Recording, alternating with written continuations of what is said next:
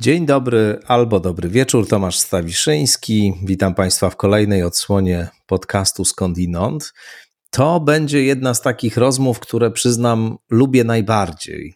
Taka, która z jednej strony dotyka konkretu, która się zajmuje rzeczywistością, tym co dookoła się dzieje, ale taka zarazem, która próbuje to wszystko uchwycić w jakimś głębszym procesie, w jakimś głębszym wymiarze, w jakiejś głębszej strukturze. Profesor Monika Kostera mm, już za moment spotka się z Państwem i socjolożka, e, i profesorka nauk ekonomicznych, łącząca ekonomię z humanistyką. To jest rzadkie połączenie, a niezwykle ciekawe. Profesorka e, trzech uczelni polskiej, szwedzkiej i francuskiej. E, no i autorka wielu znakomitych książek, o których tutaj także to i owo powiemy.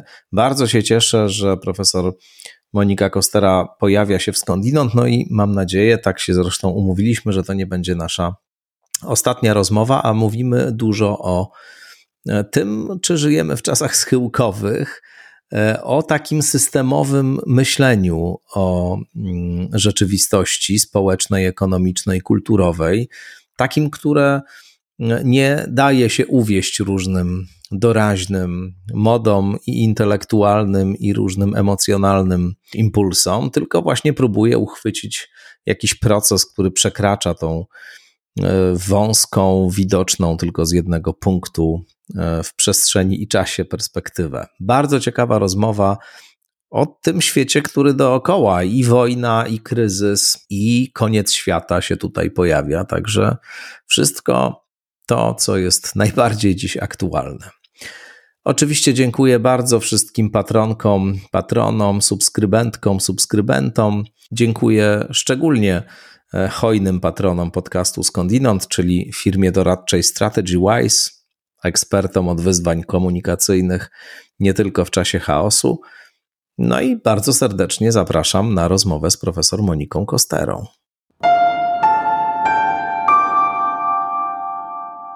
Profesor Monika Kostera gości w podcaście Skądinąd. Dzień dobry, Moniko.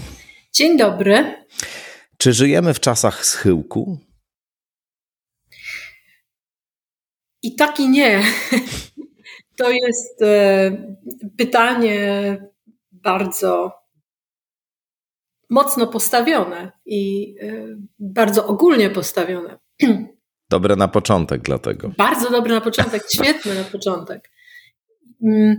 Żyjemy w, w czasach schyłku niektórych e, wielkich systemów i społecznych i większych i mniejszych e, różnych idei.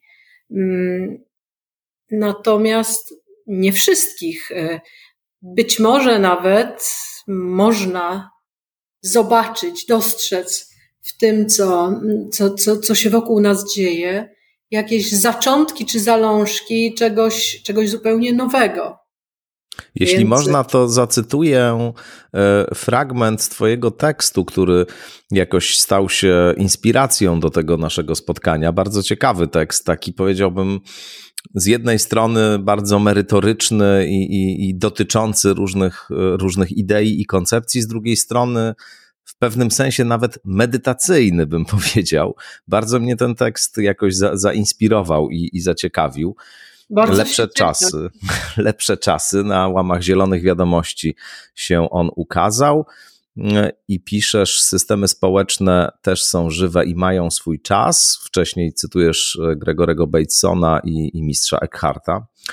Systemy społeczne też są żywe i mają swój czas. System, w którym żyjemy, zmienia się, miał swój okres rodzenia się, dojrzewania, czas rozkwitu, a teraz czas schyłku.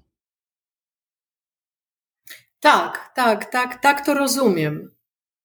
W tych różnych kontekstach, w których się intelektualnie poruszam i jako e, osoba, która czyta o badaniach innych badaczy, jako osoba, która, która sama prowadzi badania, ja prowadzę badania etnograficzne takie zanurzone w kontekst bardziej, nie, nie z dystansu, nie ilościowe, tylko uczestniczące, podążające za tym, co, co dzieje się w terenie badawczym.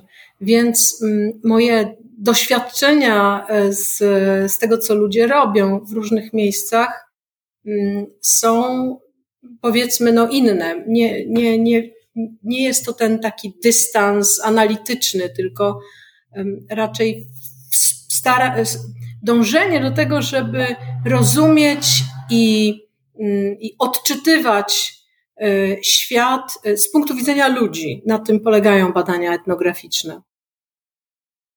Więc to, to jest hmm. E, sposób odczytania mm, znaków, czy symboli, czy różnych procesów, które mają teraz miejsce, który pochodzi z tych wszystkich źródeł, a jednocześnie, mm, no można powiedzieć, że już wiele lat się zajmuję tym, czym się zajmuję.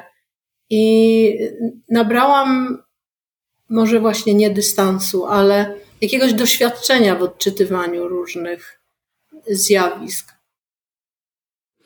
Tu się dystansujesz w pewnym momencie od y, zarówno takiej perspektywy konserwatywnej, jak i postępowej, takie, takie nazywasz, od tych, którzy uważają, że kiedyś generalnie było lepiej, trzeba wrócić do tego, co było, albo e, od tych, którzy uważają, że kiedyś było gorzej, trzeba za, wszystko, za wszelką cenę wszystko zmienić. Powiadasz, że w Twojej systemowej perspektywie ani jedno, ani drugie stwierdzenie nie opisuje tego, co się e, dzieje dookoła.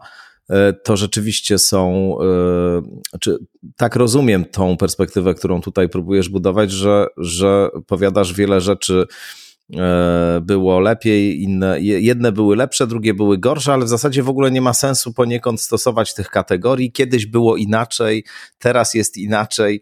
Kiedyś było więcej możliwych przyszłości, także piszesz. To, to, to bardzo ciekawe zdanie. Może nad nim się też zatrzymajmy.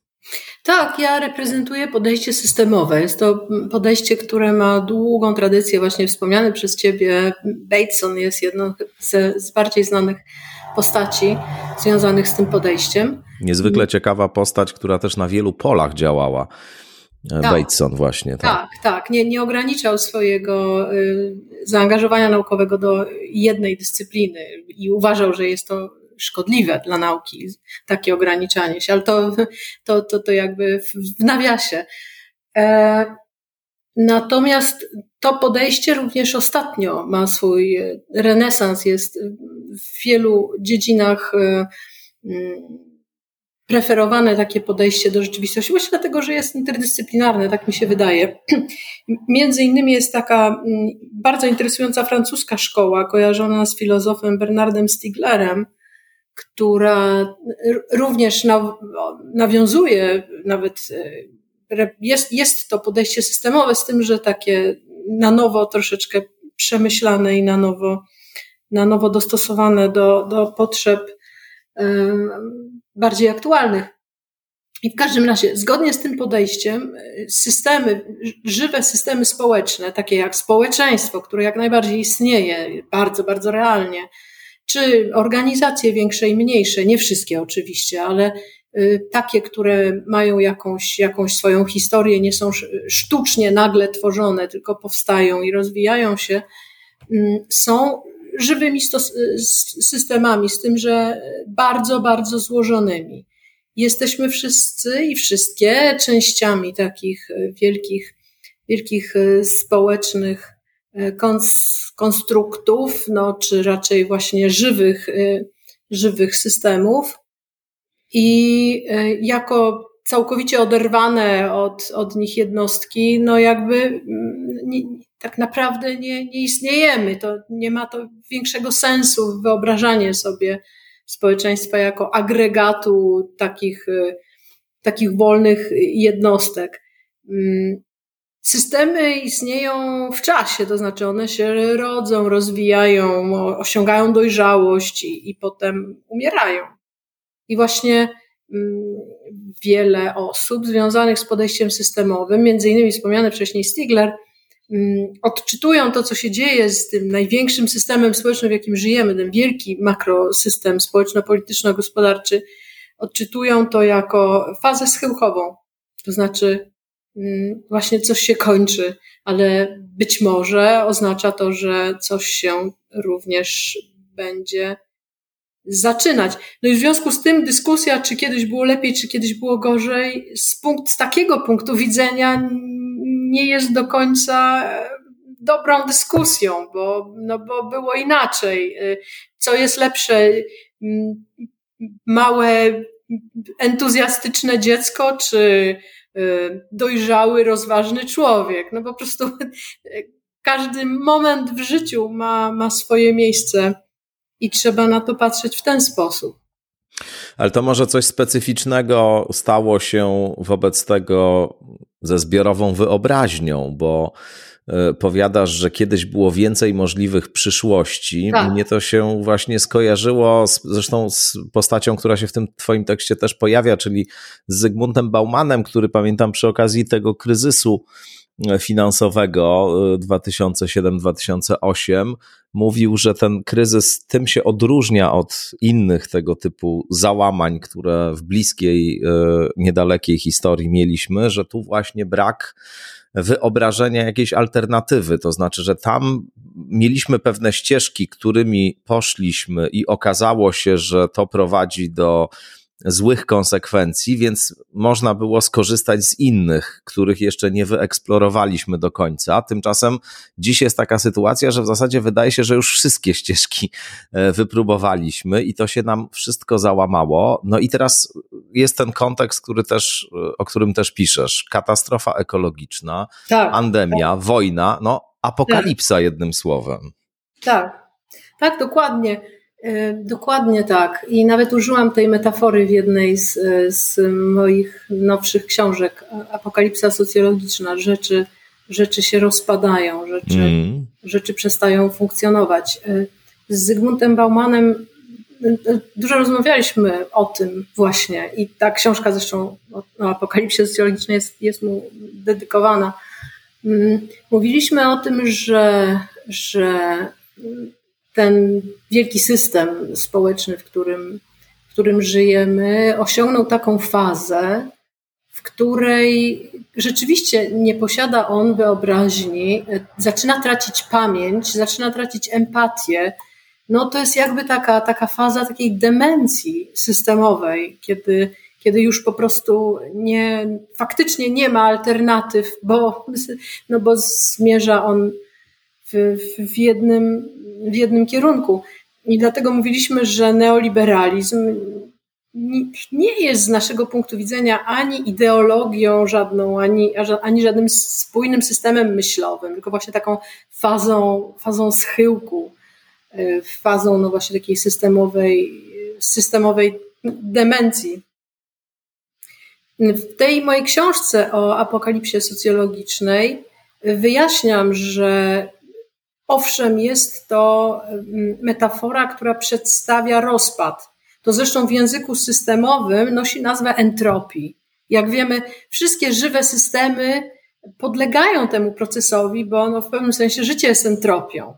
Znaczy jest to rozpraszanie energii, tracenie energii, energia stracona bezpowrotnie i mm, dlatego te żywe systemy rozpadają się na, na elementy nie, nie, nie mające ze sobą żadnego związku. Przypomnę, że system to jest y, związek elementów, które wchodzą ze sobą w różne związki, w różne zależności, są połączone ze sobą. W momencie, kiedy przestają być ze sobą połączone, to przestają być systemem, zaczynają być zbiorem martwych jednostek. To jest coś takiego, co właśnie teraz y, w bardzo intensywny sposób, zdaniem Stiglera, zachodzi ten proces entropii przy, przyspiesza i to, co widzimy, jest e, przejawem entropii.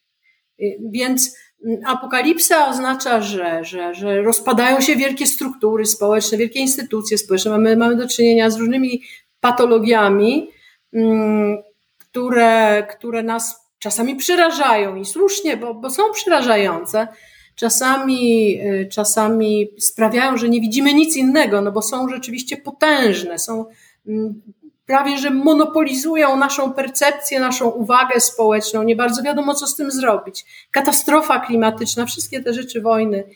Mm, I to jest jedno znaczenie apokalipsy, ale przypominam również w tej książce, że apokalipsa, źródło słów, oznacza objawienie. I to jest też to, co się teraz dzieje. To znaczy, wszystkie te wielkie konstrukty społeczne, te, te struktury, instytucje, które braliśmy jako oczywiste, które jeszcze 50 lat temu całkowicie wyznaczały to, jak ludzie żyją, gdzie, w którym miejscu, definiowały wszystko, całe, całe życie człowieka od urodzenia do śmierci, co teraz młodym ludziom trudno jest uwierzyć, to w ogóle jest możliwe. Więc te wielkie konstrukty społeczne rozpadają się i ujawniają, co jest pod spodem.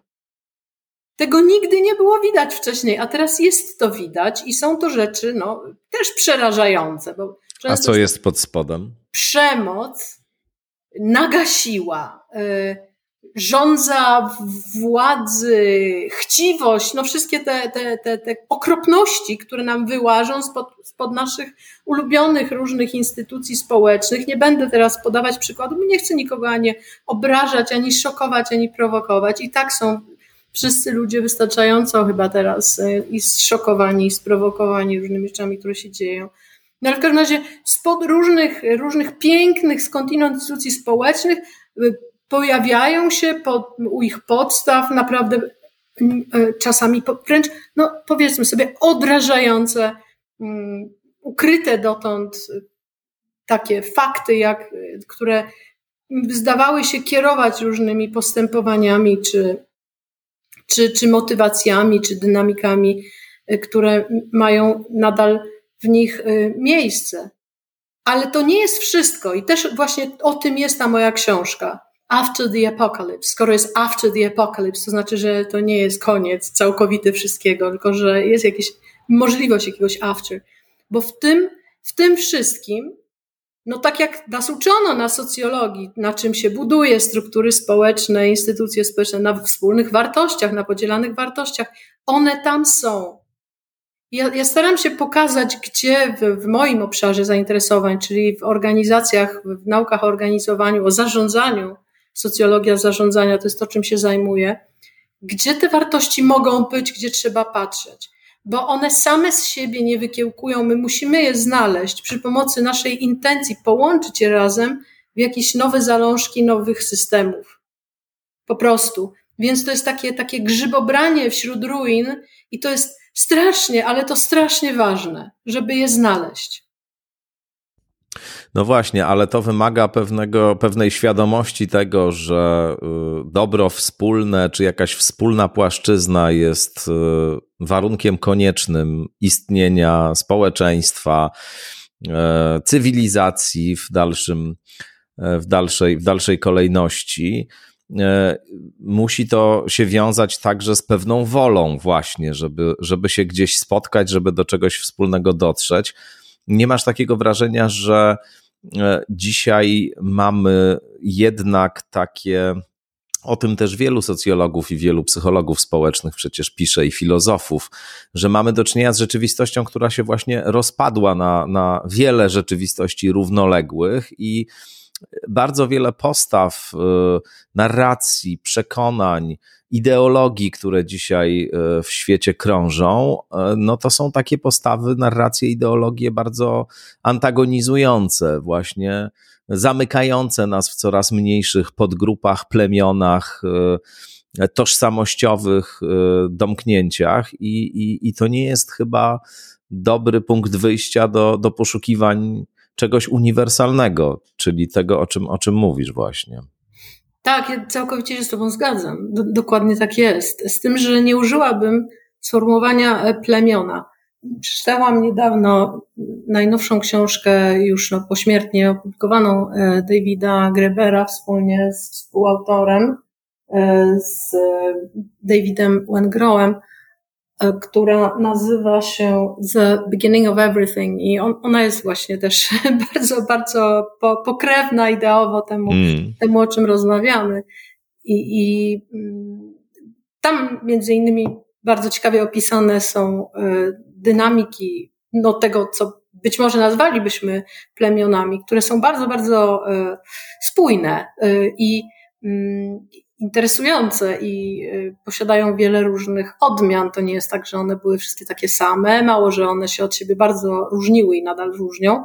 Y, te, te ludzkie takie plemiona i klany, to y, one przeżywały różne cykle też, takie dynamiczne, systemowe cykle, że raz były to, to, to, to ta sama społeczna jednostka, raz była zorganizowana hierarchicznie, raz była zorganizowana bardzo demokratycznie, wręcz anarchicznie. I, I, były to takie całe cykle uzależnione od tego, jaka jest przyroda, jakie są warunki naturalne i, i tak dalej. Więc y, to nie jest to, co chyba dzisiaj obserwujemy. To, co dzisiaj obserwujemy, to jest czysta żywa entropia, to jest rozpad, to jest, mm, używając zupełnie inny, innego języka, innych metafor, to jest proch.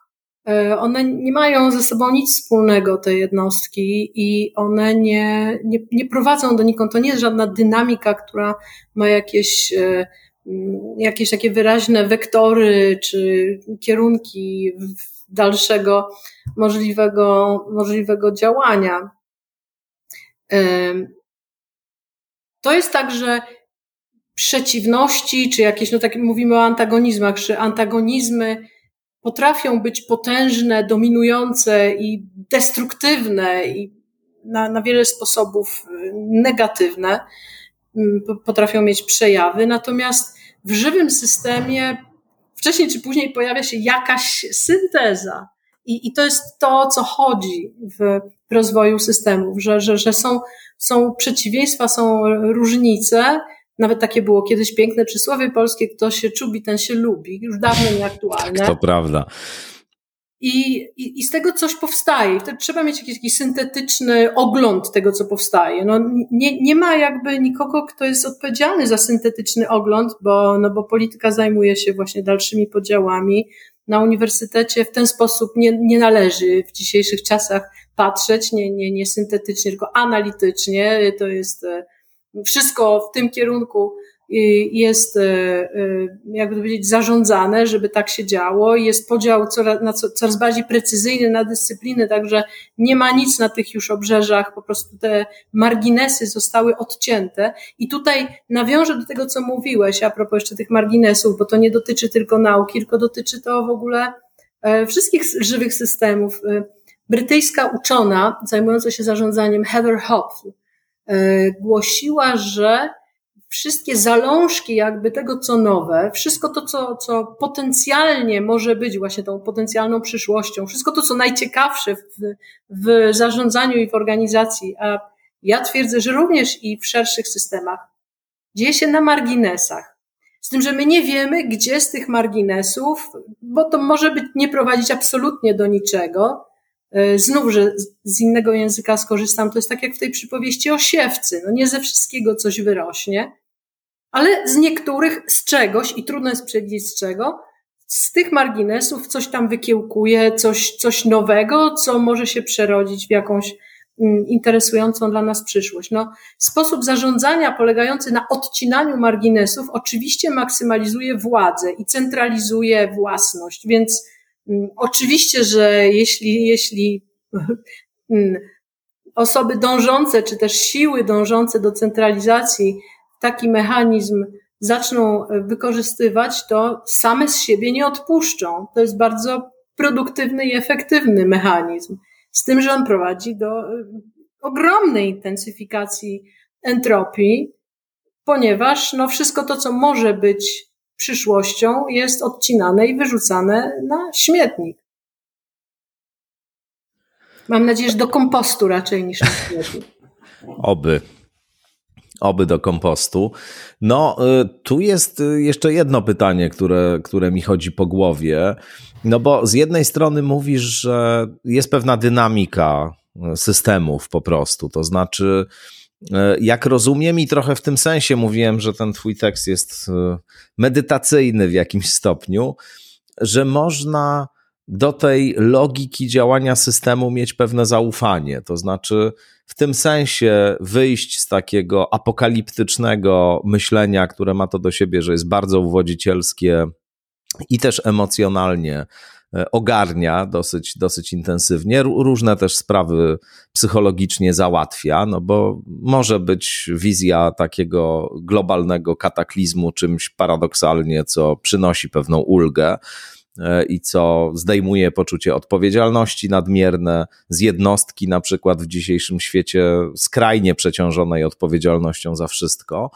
Mm, ale to myślenie systemowe, o którym mówisz, i ta logika systemu, do której się, się odwołałaś, mówiąc o tym, że po okresie antagonizmu przychodzi pewna synteza, e, jak rozumiem, e, jest jakimś takim powiedzeniem, że, że oto do owego systemu, w którym żyjemy, można mieć pewne zaufanie, to znaczy, że on ma pewne mechanizmy homeostatyczne w sobie, tak? Że innymi słowy, jakoś to, jakoś to zawsze będzie. I tak i nie, to znaczy do systemu już nie, bo on umiera i to jeszcze umiera w sposób, który nas wszystkich bardzo absorbuje, odbiera nam energię, chęć do życia, wyobraźnię, umiejętność współdziałania. Znaczy po prostu nie, nie, ma, nie ma możliwości uratowania go. To, to jest, jest y, system, który w tej chwili żeruje jakby na naszej żywotności na tak wiele różnych sposobów, y, bo właściwie w świecie, który jest nieskończenie złożony, są rzeczy, które, których nie, nawet nie, nie, nie wyobrażamy sobie teraz, jak one mogą istnieć.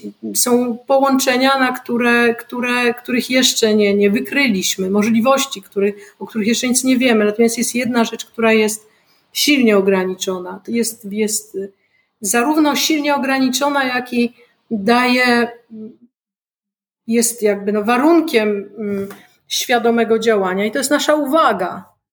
Y, to nie jest prawda, że każdy ma podzielność uwagi. To, jest, to, jest, to powoduje przeróżne, nie, nie, niedobre skutki, z którymi nie, nie wiemy, jak sobie poradzić. Być może ktoś ma podzielność uwagi, być może Napoleon miał, natomiast większość z nas ma uwagę punktową, która koncentruje się na, jednym, na jednej rzeczy w jednym miejscu, w jednym czasie. To, to co chciałam ten sposób powiedzieć, to nie jest to, że powinniśmy mieć y, zaufanie do, do, do systemu. To jest pro, raczej propozycja, żeby przestać koncentrować się na tych patologiach, które, które mają miejsce. Bo, bo nasza uwaga potrzebna jest gdzieś indziej. Jest właśnie potrze potrzebne, żebyśmy wyszli poza ten umierający system dotknięty demencją i zaczęli używać naszej uwagi do wyobrażania sobie czegoś, co mogłoby przyjść na jego miejsce.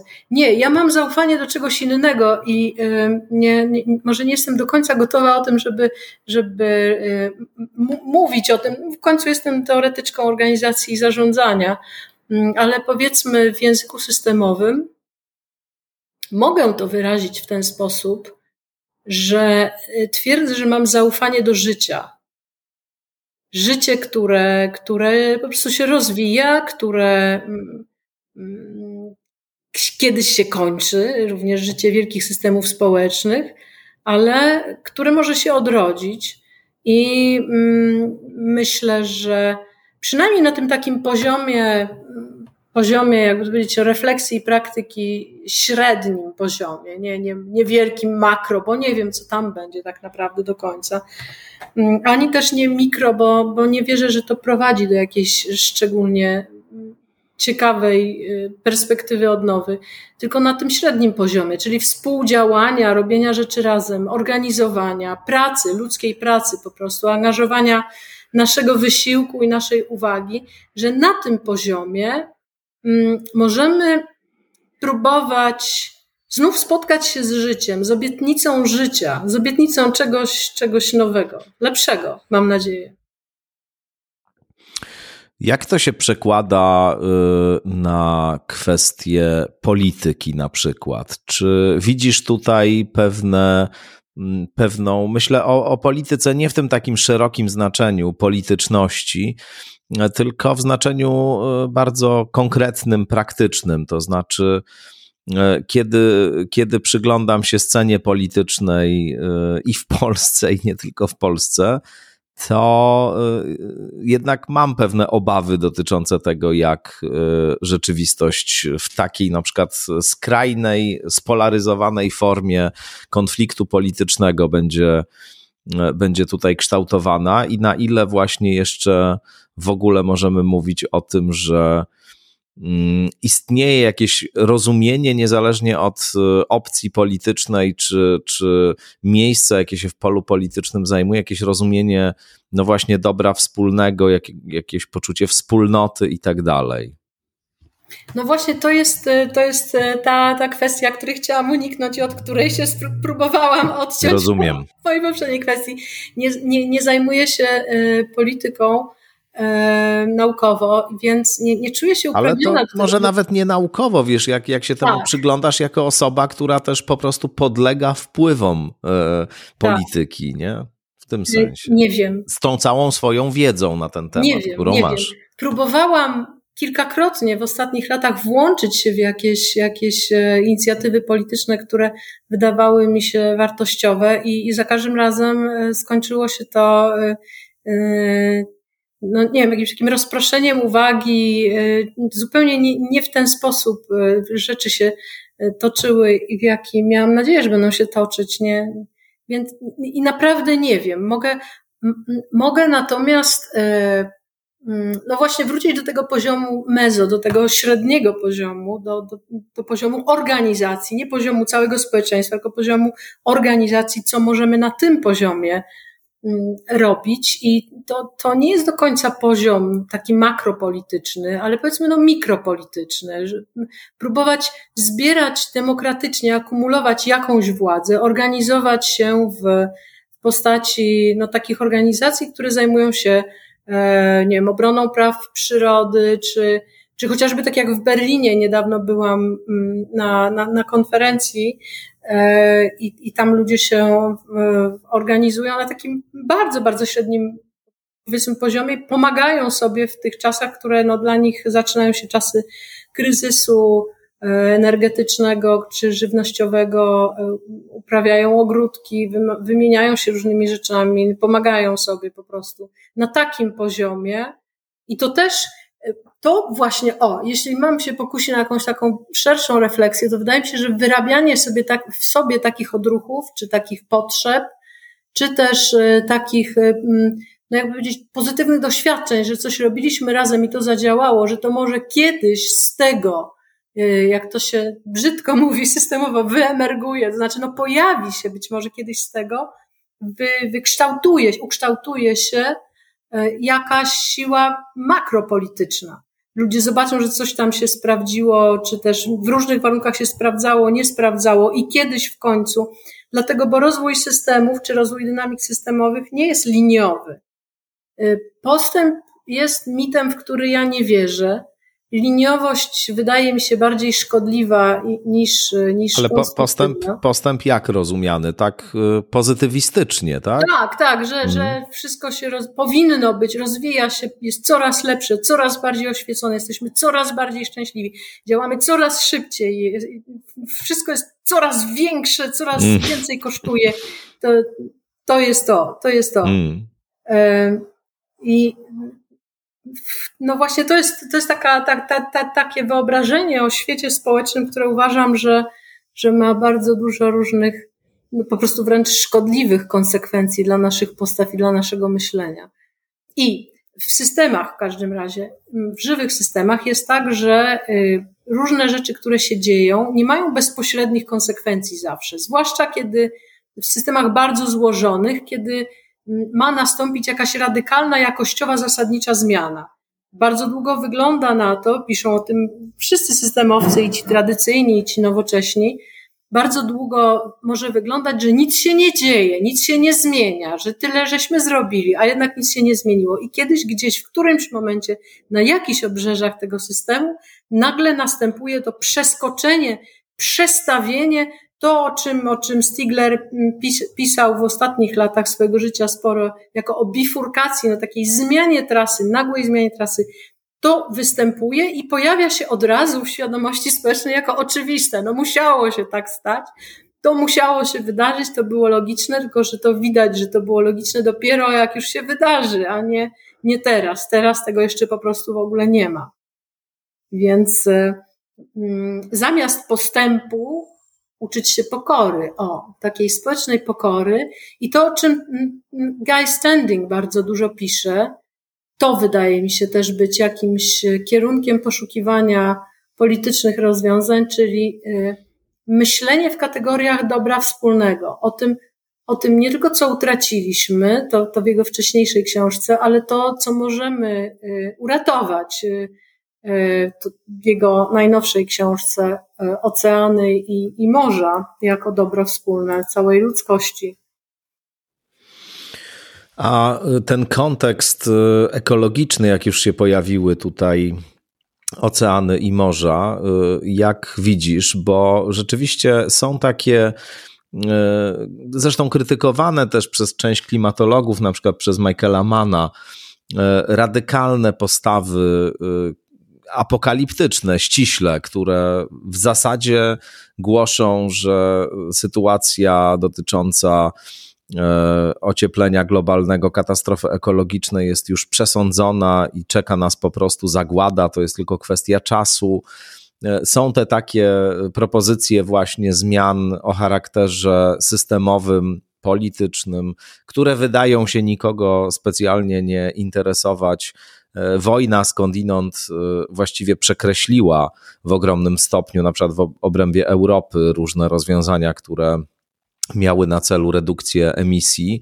E, i sama wojna jest, e, jest sprzyja emisji, jeśli można tak powiedzieć. I e, oczywiście te różne działania wiążące się z kwestiami energetycznymi powodują, że no w zasadzie na daleki, daleki plan odeszły te rozmaite propozycje w duchu ekologicznym. E, jak widzisz ten kontekst? Bo, bo to jest w tym sensie tutaj ciekawe, że, że pojawia się e, narracja o dosłownym końcu świata. To znaczy, to, to jest rzeczywiście coś takiego, co często przychodzi w e, aurze empirii, nauki oczywiście klimatolodzy nie są tutaj y, aż takimi strasznymi pesymistami, jak y, zwolennicy najbardziej radykalnych wersji mm, eko ekologicznych narracji, no bo jednak pewne rozwiązania mogące spowolnić ten proces, trochę go odwrócić, są proponowane, ale dominuje też taka, taka bardzo właśnie jednoznaczna, oczywista narracja o tym, że oto e, zniszczyliśmy Ziemię, świat e, idzie ku końcowi. Co, co więcej, to ci wszyscy tutaj starsi ludzie są za to odpowiedzialni, bo to przecież oni zniszczyli. Tak. Ja nie jestem tutaj właśnie.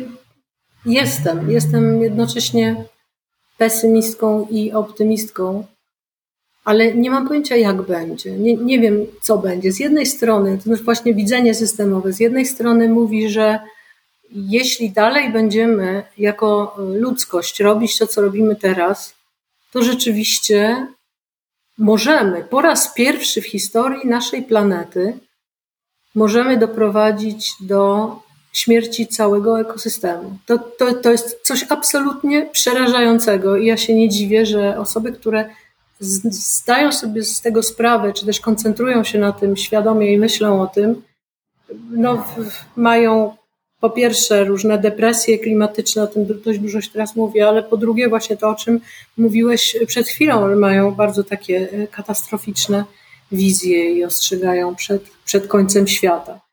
Mm, bo zdać sobie z tego sprawę jest, jest czymś absolutnie potwornym. To znaczy, nie, nie sądzę, żeby udało nam się całe życie skasować. Pewnie zostałyby jakieś, nie wiem, bakterie, wirusy, może nawet jakiś grzyb by się gdzieś przemycił, ale no nie, nie do końca o to chodzi. Chodzi o to, co możemy zrobić i co zrobimy, jeśli będziemy dalej działać tak, jak działamy.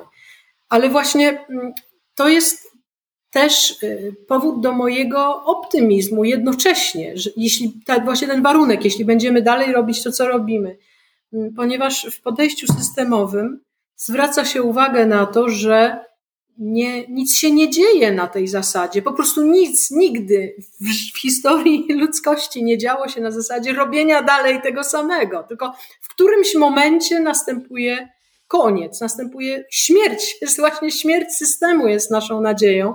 Następuje ta, ta, ta nagła, nagła zmiana i zaczyna się coś innego, zaczyna się coś, co mm, działa zgodnie z innymi logikami systemowymi, z inną dynamiką. Na początku będzie dziwnie, będą różne zmiany i przesilenia, potem będzie jak, prawdopodobnie jakiś moment wielkiej nadziei, wielkiego entuzjazmu, wielkiej, wielkich energii. E, w końcu kiedyś zaczną się problemy, ale to będą ich problemy, nie nasze problemy.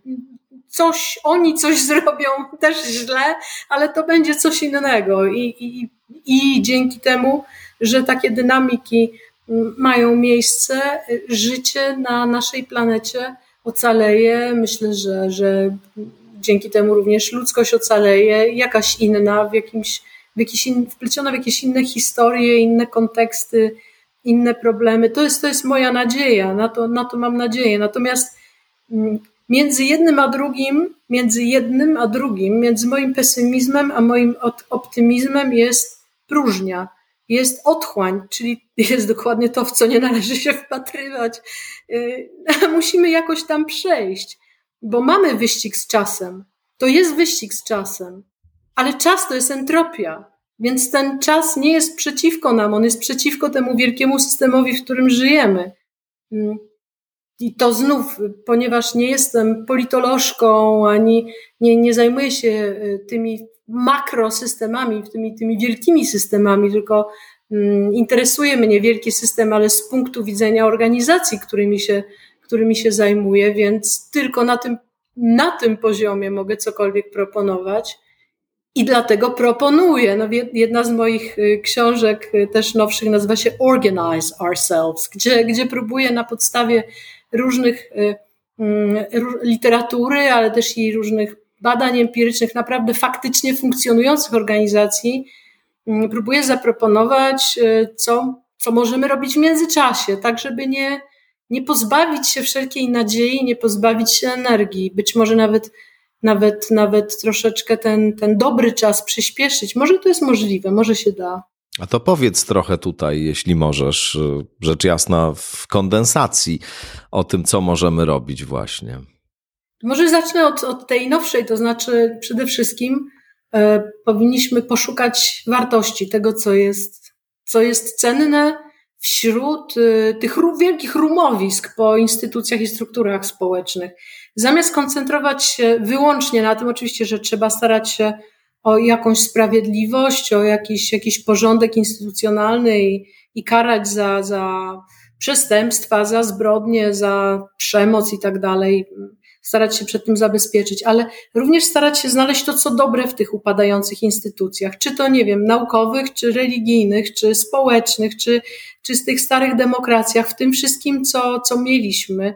Poszukać czegoś, co, co, co jest piękne i dobre, i, i też na tym trochę się skoncentrować i zastanawiać się, jak wokół tego można zbudować coś na nowo, jak można na nowo zbudować szkołę wokół tych wartości, które tam znajdziemy i które, które są cenne, bo one tam są.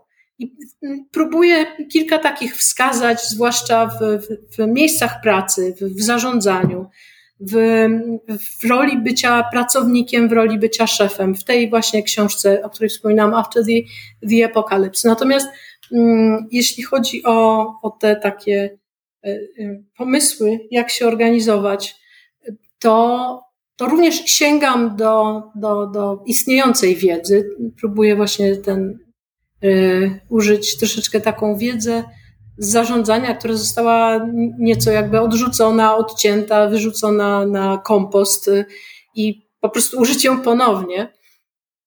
I, i, I staram się pokazać, jak w innych, bardziej demokratycznych, bardziej ekologicznych kontekstach można takie rzeczy, na przykład jak planowanie, wykorzystać. Nie musimy przecież planować y, tak, jak planowało się za, za przeproszeniem za czasów Stalina.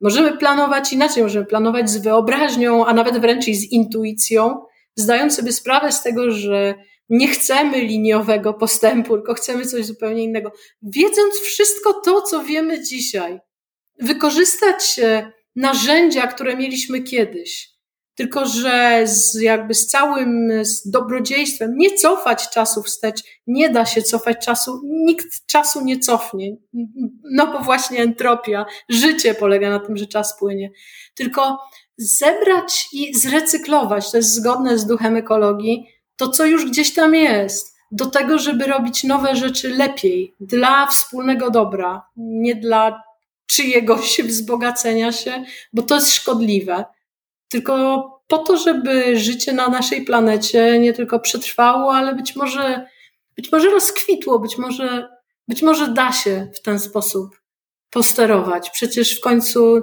nawigowanie jest konieczne. Umiemy nawigować. To jest zdecydowanie optymistyczne, co powiedziałaś. W kontekście sytuacji, w której jesteśmy, tak. jak na razie. Tak. No właśnie, to jest e, e, też e, właściwie taki wątek, o którym, o którym troszkę mówiliśmy wcześniej, o tym, że jakiś rodzaj takiej świadomości istnienia jakiejś bazowej wspólnoty jest, jest niezbędny. Ale chciałbym jeszcze, zbliżamy się do, do końca naszej rozmowy, chciałbym jeszcze mm, o ten system, który się rozpada, czy już się rozpadł właściwie na naszych oczach, cię zapytać, jakbyś wskazała takie węzłowe momenty, które, które w historii rozpadu tego systemu można zidentyfikować, jego najbardziej takie właśnie mm, słabe punkty, e, i, i, i właściwie co takiego było siłą, która go rozsadziła? Mm, entropia była tą siłą. E, po prostu. Po prostu. Natomiast czy, czy można było to jakoś odwlec w czasie, czy można go było troszeczkę zregenerować? Myślę, że można było. Było, było na pewno kilka takich momentów. Y, ten system, w którym, którym, w którym żyjemy, ten wielki system, y, miał zdolność do, jakby główny nurt tego systemu, miał zdolność do samoregeneracji. No zresztą każdy żywy system ma zdolność do samoregeneracji, no, samotworzenia, autopoezis i był, był wewnętrznie sterowny, to znaczy potrafił się uczyć, potrafił się dostosowywać do, do otoczenia. Chyba taki pierwszy moment, kiedy, kiedy wydarzyło się coś, coś, coś bardzo ważnego, co zakłóciło tę, tę taką stabilność, mm, to był, była końcówka lat 70. i kryzys energetyczny, który, który spowodował mnóstwo zaburzeń w różnych wskaźnikach i system jakby na chwilę stracił, stracił równowagę, stracił sterowność, ale nie, nie do końca. Były, były różne pomysły i propozycje jak to uratować. Natomiast głównym mechanizmem, który, który jakby ten system odpowiadał za sterowność systemu, była zasada, tak zwana zasada sprzężenia zwrotnego negatywnego.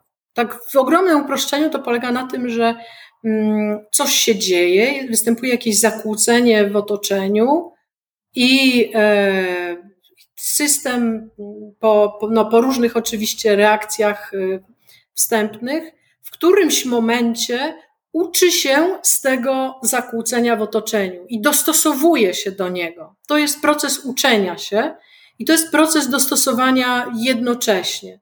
Że to jest tak, w takim gigantycznym uproszczeniu jest to troszeczkę podobne, tylko że o wiele, wiele, wiele bardziej świadome i bardziej złożone i na innym poziomie, ale troszeczkę podobne do homeostatu, czyli mamy jakiś jakiś, załóżmy, pokój i w tym pokoju jest gorąco i mamy kaloryfer z homeostatem i ten homeostat sprawia, że, że jest mniej gorąco, że kaloryfer przestaje tak mocno grzeć i robi się, grzać i robi się mniej gorąco.